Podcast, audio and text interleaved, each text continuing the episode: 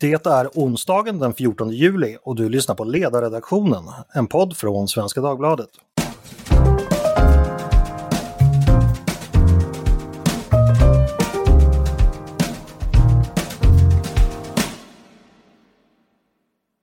Varmt välkomna till oss denna sköna sommardag. Jag heter Andreas Eriksson och jag ska börja med att hälsa ett stort grattis till kronprinsessan Victoria som ju fyller år idag. Idag ska vi prata om otrygghet i våra städer och hur den frågan hanteras politiskt och medialt.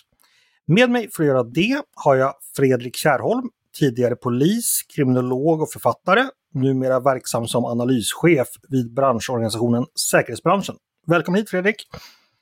Tack så mycket! Och du är också flitig gäst som skribent på ledarsidan ska också sägas.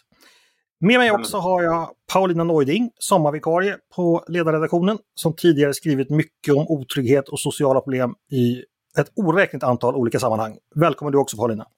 Tack så mycket! Hörni, jag tänkte vi ska börja faktiskt eh, lite smått populistiskt på Strandvägen i Stockholm. Eh, Paradgatan på Östermalm som sedan några år kommit att präglas av mer otrygghet eller upplevd otrygghet från boende och besökande. I år så kunde redan i maj lokaltidningen berätta att platsen kommit att domineras av ungdomsgäng, streetracing, hög musik och ja, just otrivsel och otrygghet från personer som tidigare vistas där och trivs. Det har det förstås skämtats en del om, eh, att överklassas Östermalm, då måste man tåla lite stadsliv och att nu kom förorten till Strandvägen och eh, kulturkrockar uppstod och sådär. Men, men problemen tycks vara reella och tycks gå lite djupare än så. Fredrik, du skrev en text hos oss på Svenska Dagbladets ledare för en tid sedan om just det som hänt på Strandvägen. Eh, kan du berätta lite om den texten och vad, vad är din uppfattning om läget just nu? Det som, det som har hänt på Strandvägen tidvis nu under eh, sommaren och även tidigare somrar, men det har gradvis blivit värre, det är ju det som jag väljer att kalla antisocialt eh, dominansbeteende. Och det här problemet är ju ingenting nytt som har dykt upp på Strandvägen utan det här har ju funnits eh, på många håll i landet och varit tydliga i, i eh, utsatta förorter och i, i, på torg i, i småstäder. Um, men, men det var ändå intressant att notera att problemet så tydligt nu har uppkommit på, eh, på Strandvägen. För att det är en, en, en paradgata i Stockholms huvudstad som har ett stort symbolvärde. Så att jag tyckte det var eh, intressant att, att uppmärksamma den saken helt enkelt. Mm. Och vad handlar det rent praktiskt och konkret om? Ja, det det handlar om, dels är det ju rena eh, lagöverträdelser, det vill säga att man bryter mot hastighetsbegränsningar och man kör mot eh, rött i vad som brukar beskrivas som street race. Eh, det handlar också om att eh, det har förekommit då Eh, sexuella ofredanden och, Eh, och även eh, rån. Men, men, men det stora och mest påtagliga, eh, eller det mest påtagliga problemet det, det är helt enkelt att det är gäng eh, av killar som, som hänger vid sina fordon, felparkerade fordon på parkeringen och spelar hög musik och beter sig och uppträder hotfullt.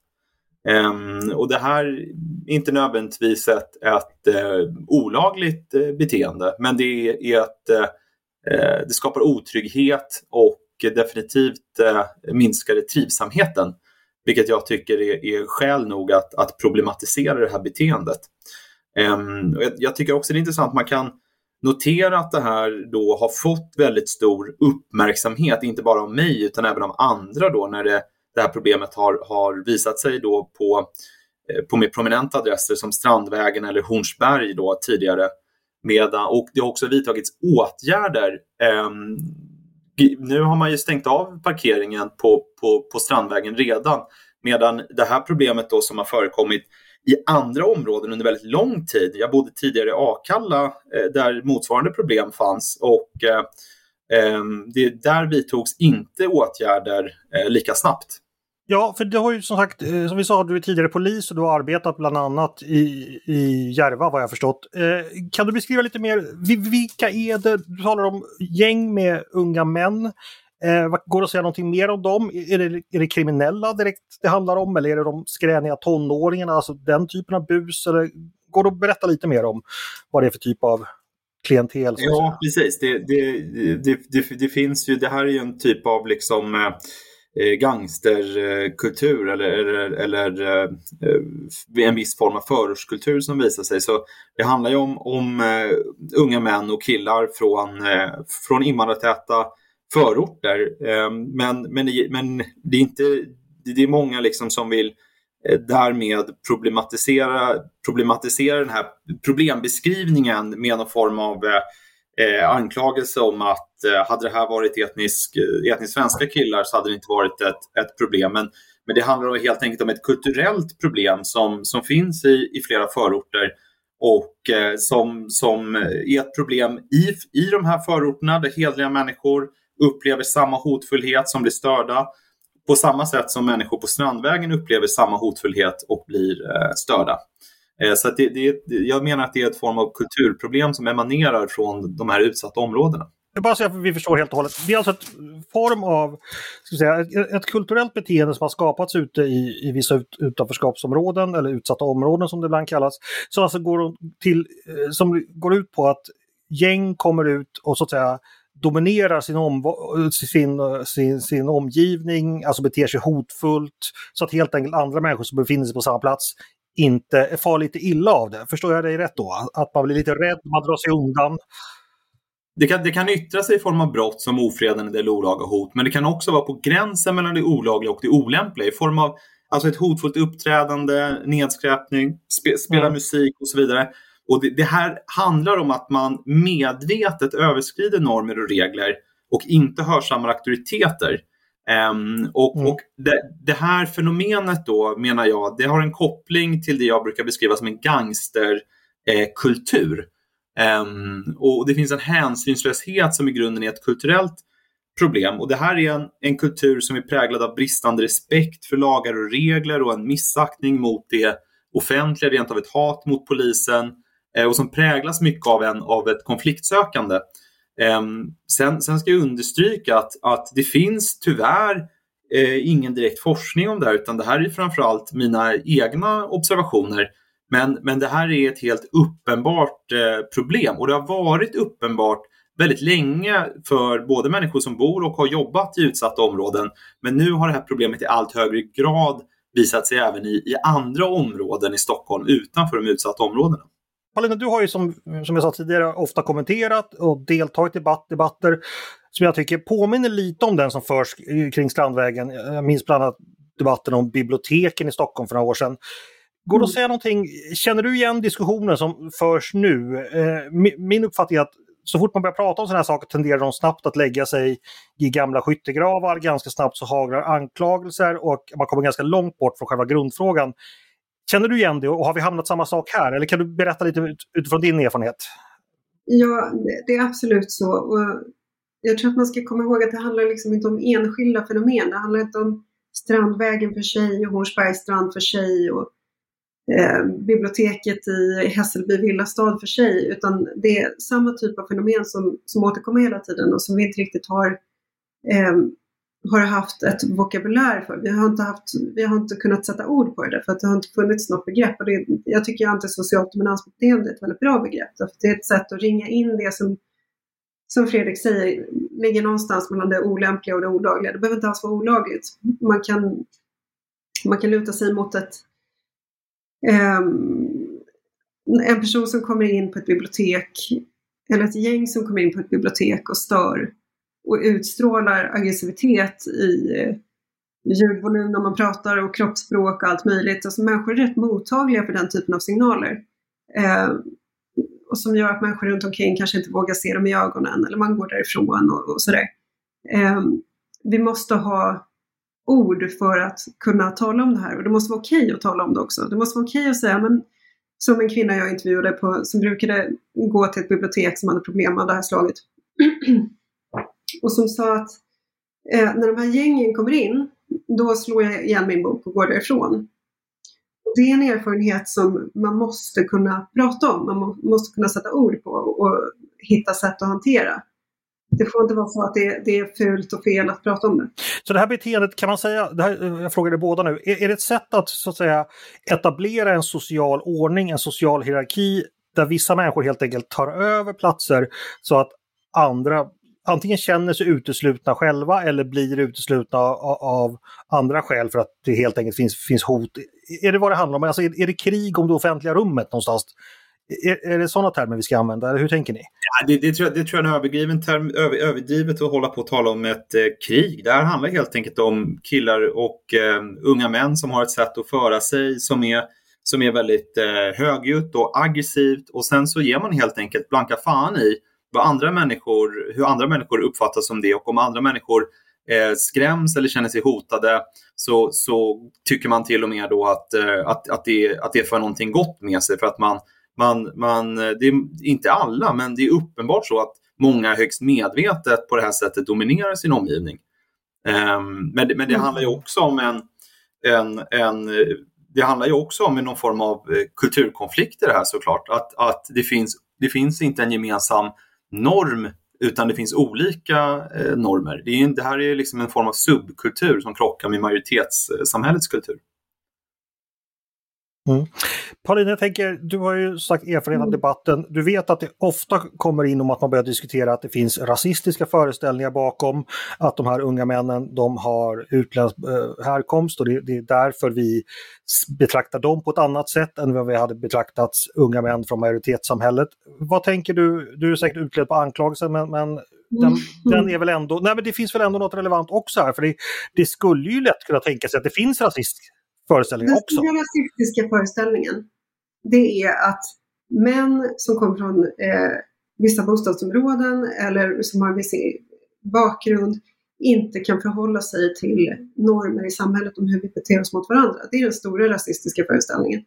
Återigen, om jag får knyta an till biblioteksdebatten eftersom jag var inne i den så mycket, så kom det hela tiden bortförklaringar om att ja, de här pojkarna kanske inte har förstått koderna på ett bibliotek. De är inte uppvuxna i liksom en medelklasskontext eh, där man vet hur man beter sig. Och det är djupt fördomsfullt. För när jag har observerat de här gängen när de kommer in, det är inget missförstånd. Det är inte så att de inte kommer in där och ska låna böcker och så blir det fel för att de inte vet hur man beter sig. Utan det, det är ett märkbart aggressivt försök att dominera ett gemensamt rum. Mm. Jo, men det kan jag förstå. Så, så, så är det jag, ska säga det, jag ska inte generalisera till Strandvägen därför att det, det kan vara annorlunda där och så jag ska liksom inte peka ut på något sätt. Men, men det är den stora rasistiska föreställningen att man inte kan förvänta sig samma, samma respekt för gemensamma rum och gemensamma normer för människor med invandrarbakgrund. Eh, och sen det andra är ju alla rum som de här eh, typerna av gäng har tillåtits att ta över. Det finns ju en massa områden där, där eh, vanliga människor, invandrare och icke-invandrare, inte har lust att röra sig längre i Sverige under vissa tider därför att det är otäckt, därför att det domineras av, av människor som beter sig antisocialt. Eh, och att man liksom överger den här typen av områden, det är ju om något fördomsfullt. Eller att mm. säga att människor som är födda någon annanstans, de har inte rätt till samma trygghet i offentligheten. Varför då? Mm, absolut, det, det, håller jag med om. Vad, vad jag tänker är bara då att eh, det finns ju, och vilket man ofta får höra i den här debatten, att eh, ungdomligt maskulint dominansbeteende i form av skrän, bråk och så vidare har det funnits otyp otaliga inkarnationer av. Till och med en sån liksom nörd som jag har ju någon gång ingått liksom i en skränande grabbmassa som har tyckt det var kul att, om det är då på fotbollsmatcher eller om det är samma med fylla eller någonting, att man beter sig jävligt helt enkelt när man är ung och att det säkert kan uppfattas som både otrivsamt och otryggt för omgivningen. Hur, hur, tänker ni kring det? Att det här är ändå ett fenomen som ändå har funnits väldigt länge men det är först när då så att säga eh, socialt underordnade och även då eh, att man har en annan härkomst än svensk, att när, när det, det, dyker upp, det är då man reagerar. Är det något väsensskilt i det här beteendet från jag och mina töntkompisar när vi var barn? Eller, eller förstår ni vad jag menar? Hur tänker du Paulina där? Jag tror att man får läsa, eh, läsa av de signaler som människor sänder ut. Och människor är rätt bra på att eh, intuitivt känna om något är fel. Jag har otaliga gånger sagt till människor på tunnelbanan som beter sig jävligt, unga killar och icke unga killar. Eh, men jag tror att människor känner av, när, men den där personen vill jag nog inte titta i ögonen. Eller nu kom det där gänget in, nu är det bättre att kliva av den här vagnen för det här känns inget bra. Och det är det, det, det jag säger, alltså, man kan ha fel i, i den uppfattningen, men att människor känner så, det är ett jättestort problem. Och då är det väldigt viktigt att samhället markerar vad som gäller. Mm. Fredrik, om du, om du, får samma fråga, det här med att det alltid har funnits eh, busliv och störande beteende på gator och torg. Eh, vad tänker du kring det? Är det något nytt vi har sett, ser nu, att den här kulturen som du beskriver som har skapats ute i förorden, att det är något väsensskilt från gamla raggargäng eller vad du vill? Nej, men du har ju helt rätt. Jag menar ungdomligt eh, oförstånd och att man eh, utmanar gränser och försöker provocera. Det är ju någonting universellt. Men, men, det, men det finns ju en, en, en, en skala här från vad som liksom är mer eh, oskyldigt och vad som faktiskt är, är, är betydligt eh, värre och, och, direkt hotfullt. Och, eh, och, och, och andra har ju tagit upp då raggarkulturen som ett exempel. Och den är ju ett problem. I Värmland och vissa delar av Sverige är den ett jättestort problem. Att man på samma sätt då ägnar sig åt ett antisocialt dominansbeteende. Eh, och även inom raggarkulturen så har det funnits, liksom, och, och, och, men, men att raggarkulturen är ett väldigt stort problem gör inte att det här problemet med gangsterkultur eh, i utsatta områden är ett mindre eh, problem. Um, så, så, men, men, men naturligtvis finns likheter, men det finns en dimension i det här som som, som skiljer sig något åt och det är väl det att vi har i Sverige idag ett stort antal unga män som har ett, ett extremt våldskapital.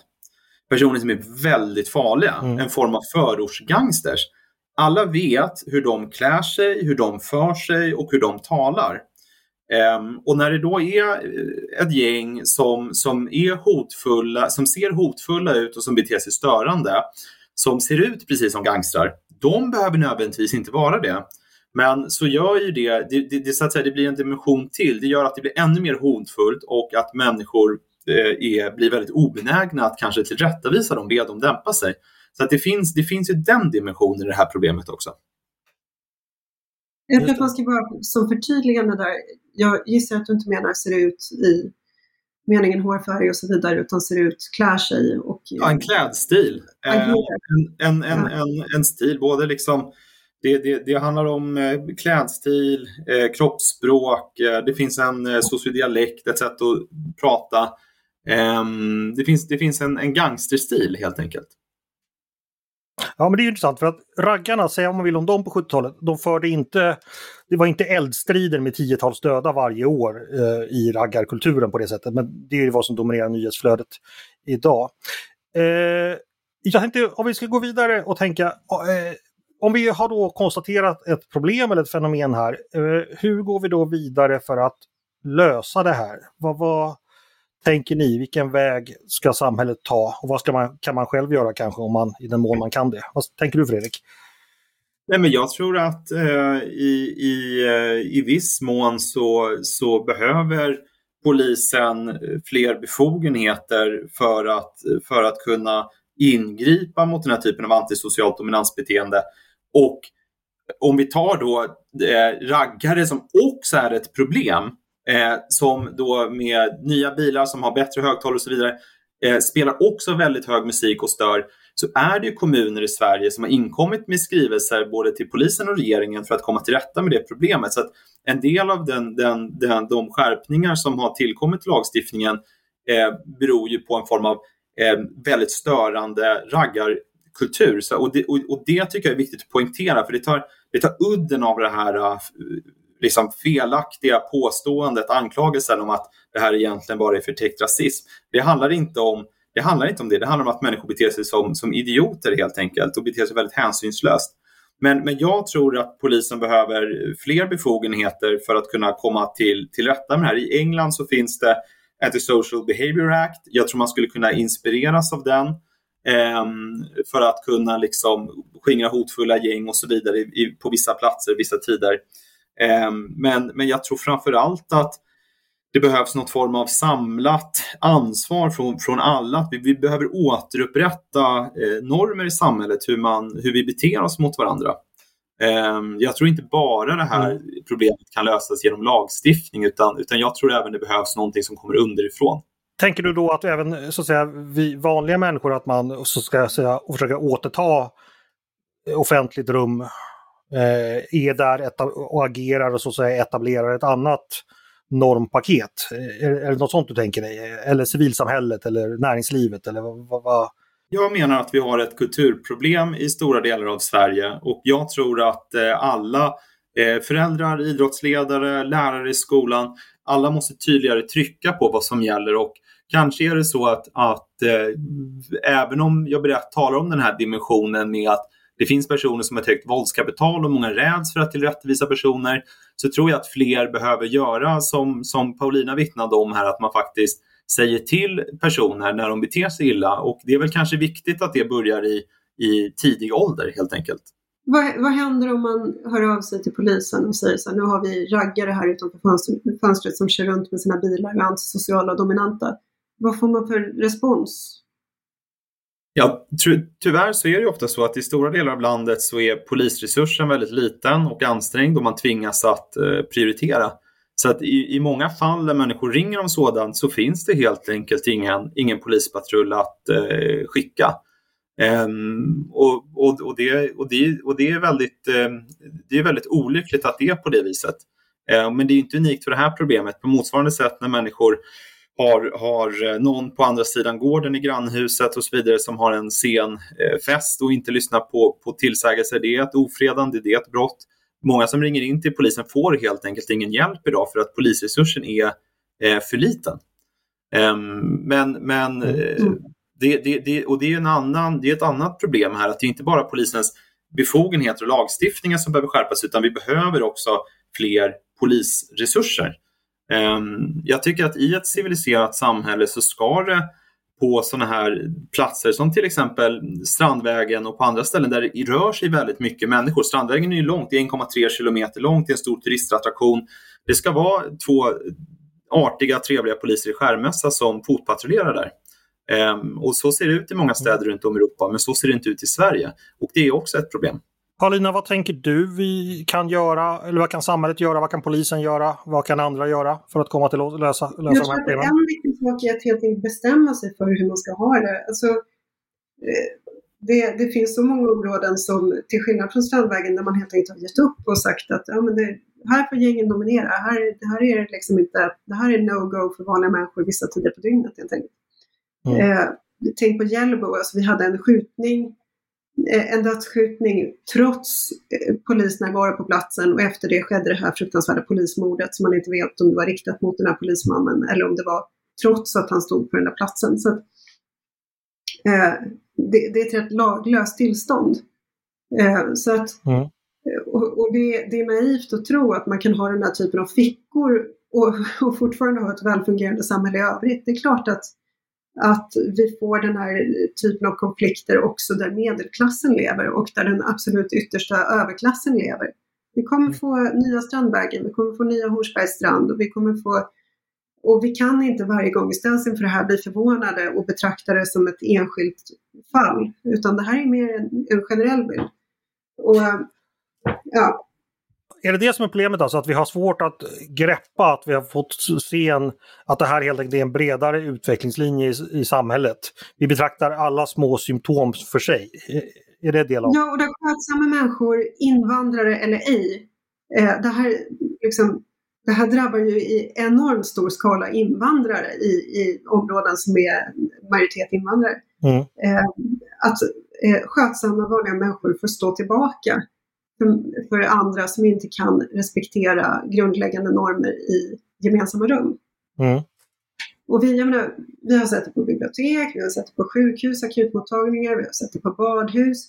Och varje gång så får man liksom en ny diskussion om att oj, vad är det här för något som har hänt här? Och sen så ska man få en diskussion om vilka som är rasister och inte rasister och så vidare. Trots att det verkligen i regel först drabbar invandrare, eh, vanliga människor i de här områdena. Mm. Paulinda, du som eh, känner till de politiska tankarna och tonerna här. Hur mycket förstår politiken? Hur mycket har politiken tagit till sig av det här du beskriver? Jag hade en debatt för några år sedan med eh, personen som då var eh, eh kulturborgarråd i Stockholm, eh, Roger Bogertz, en socialdemokrat som, som inte alls hade någon förståelse för det här, som också ville göra en fråga till, eh, till en fråga om rasism eller inte rasism.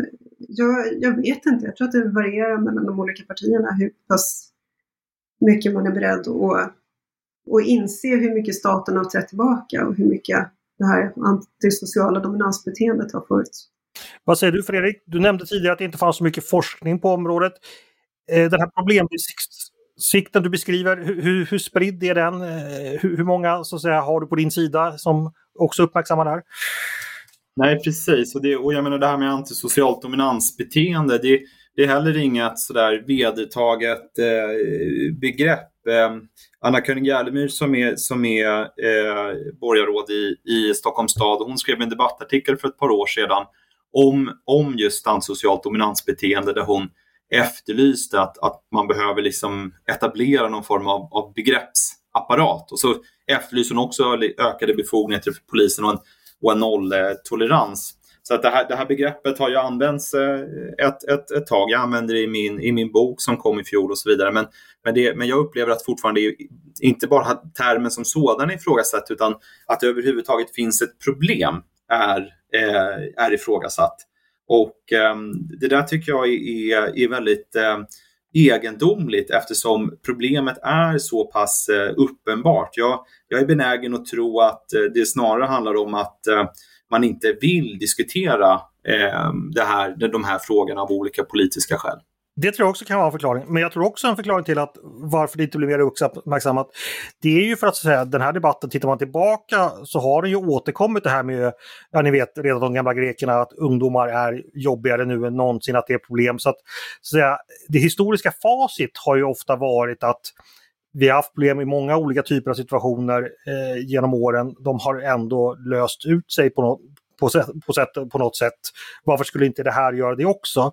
Eh, så att säga, då har man ju lite viss uppförsbacke om man säger att det här är någonting annat. Det här är någonting värre, det går djupare och det kräver andra åtgärder. Eh, eller vad tror ni? Skulle inte det kunna vara en förklaring till att det, det, det är svårt att nå enighet om problemens omfattning? Nej, men om, om du sa på Sicilien när maffian var på väg att etablera sig, att det är, en, det är en maktstruktur som är på väg att etablera sig här som jag tror inte är positiv. Mm. Då hade man ju rätt. Ja, alltså, ja men absolut. eh, så att eh, eh, vi har ju en helt historisk unik situation med, med det enorma våldskapital som finns i vissa områden i Sverige. Mm. Eh, och det är, det är inte konstigt att vi får den här typen av konflikter också i det lilla om det offentliga rummet. Mm. Det är det det kokar ner till. Håller du med om det Fredrik? Att det är det här våldskapitalet som har samlats upp i kriminella kretsar som, som ligger bakom att även vidare problem, eller? Ja, ja, ja, jag tror att vi har fått en, en ökad brutalisering i, eh, i Sverige. Um, och den har också en koppling till den här gangsterkulturen. Det finns en det, fin, det, det, hör, det här, jag menar att det här hör, hör ihop, både det antisociala dominansbeteendet och de här våldsamma skottlossningarna. Det har sin förklaring i den här gangsterkulturen och problemet med dysfunktionella områden som vi har, har fått i Sverige. Ehm, tyvärr så är det många som är, saknar förmågan eller obenägna och se så att säga nyanserna eller gradskillnaden eller rent av artskillnaderna i, i, när, när man då jämför med tidigare problem. Ett annat exempel är att rånen har ökat, ungdomsrånen har ökat. Ehm, och vi hade, en, eh, vi hade ganska många ungdomsrån i förhållande till befolkningen i slutet av 1990-talet. Men det är tydligt att de här rånen sker på lite olika sätt. För det första så rånen i slutet av 90-talet var mer att man omringade ensamma killar och, och eh, fick dem överlämna mobiltelefoner eller guldkedjor så tog man den. Det förekom ytterst sällan eh, pistoler till exempel. Idag har det blivit mycket vanligare med att man använder pistoler, knivar och eh, även oprovocerat våld vid de här rånen. Så det finns en tydlig skillnad. Och Det här hör ihop med den ökade brutaliseringen. Men det, men det är också så att oavsett om, om det har funnits liknande problem tidigare så tycker jag att det är, är en väldigt egendomlig inställning att man ska förhålla sig till som att det här är någonting att det här är några naturliga cykler då, att ja, men då och då så får vi sådana här enorma eh, problem. Det kan hända och, och, då är det bara att luta sig tillbaka. oavsett vad så måste man ta den här typen av problem på allvar och försöka komma till rätta med dem. Um, det, det, det är min uppfattning. Jo, men det är ju förstås en god poäng. Och sen finns det ju också det, det finns ju egentligen ingen anledning till att vi ska förhålla oss till liksom 1950-talets sociala ordning som något sorts eftersträvansvärt. För att vi skulle knappast vilja ha tillbaks eh, 1950-talets alkoholproblem eller canceröverlevnaden då eller liksom trångboddheten då. Så att, jag, jag, håller med om det. Alltså, det finns ju, samhället bör ju faktiskt bli bättre. Vi ska ju inte titta tillbaks. Men vad eh, bra, det är ett väldigt intressant ämne här. Det, det, är lite svårt att ta på känner jag lite att eh, det har ju debatterats, det har ofta fastnat i skyttegravar eh, med massa meningslösa ordkastande. Jag tyckte vi kom lite längre fram. Är det någonting ni skulle vilja tillägga som ni tycker är viktigt att ha med sig bara inför fortsättningen som lyssnarna ska tänka på när de kanske funderar vidare? Har du någonting Paulina som du skulle vilja lyfta fram? Ja, men jag tänker på det här frågan om, om fördomar och generaliseringar och sådär. Det, det är alltid viktigt att påminna sig om att det är en minoritet som kommer från de här förorterna som beter sig på ett visst sätt. Det är en minoritet av invandrare som, eh, ja, som finns i den här gangsterkulturen som du beskriver. Så det, det är en minoritet, det är jätteviktigt att komma ihåg. Och det är också jätteviktigt att komma ihåg att när du står inför eh, du ska gå, igen, eh, gå hem genom en mörk gränd en mörk natt och du ser ett ungdomsgäng. De kan vara jättesnälla, det vet du inte. Eh, och, och man, man, ska inte uttala sig tvärsäkert på det sättet. Men det man vet är att människor, när vi lever i ett samhälle tillsammans, vi läser av varandras signaler och om någon genom sitt sätt att agera i offentligheten beter sig dominant, då skapar det en otrygghetskänsla bland andra människor som man måste ta på allvar. Mm. Fredrik, vill du skicka med någonting, eh, sista ord innan vi avslutar? Ja, alltså jag, jag, jag tycker det är viktigt liksom att, att eh, förstå att det här, det, här, det här handlar inte om eh, klass, det här handlar inte om rasism. Det handlar om att det, handlar om, det finns människor som är skötsamma och det finns människor som inte är skötsamma. Det finns människor som, som är toleranta, söker samförstånd, rationalitet och vänlighet och det finns de som eh, står för och beter sig eh, i, i motsatsförhållande till det. Eh, det är där i konflikten ligger. Ehm, och det här är en konflikt eh, och ett problem vi, vi behöver ta på stort allvar. Ehm, men som, som alla kulturfenomen och så vidare så, så är det svårt att exakt definiera och beskriva. Men, men det gör inte problemet mindre verkligt eller mindre allvarligt. Stort tack Fredrik Kärrholm eh, för det och tack Paulina Neuding. Vad roligt att ni ville vara med båda två och prata. Tack så mycket! Eh, du har lyssnat på Ledarredaktionen, en podd från Svenska Dagbladet. Hör gärna av er till redaktionen med tankar och synpunkter på det vi har diskuterat. Eh, kanske framförallt idag i och med att det här ämnet är liksom lite svårfångat. Vad tänker ni? Har ni haft egna upplevelser av den här typen av social oro? Är ni själva oroliga? Eh, eller tycker ni tvärtom att Paulina och Fredrik har varit, och jag har varit helt ute och cyklat när vi diskuterat det? Bara att mejla då till ledarsidan snabel svd.se. Med det tackar vi för idag. Jag tänkte ta mig en tur med båten nu för det är väldigt varmt. Jag behöver fartvind. Eh, men ha det så bra så länge hörni. Eh, dagens producent har varit Jesper Sandström. Själv heter jag Andreas Eriksson och jag hoppas att vi hörs igen snart.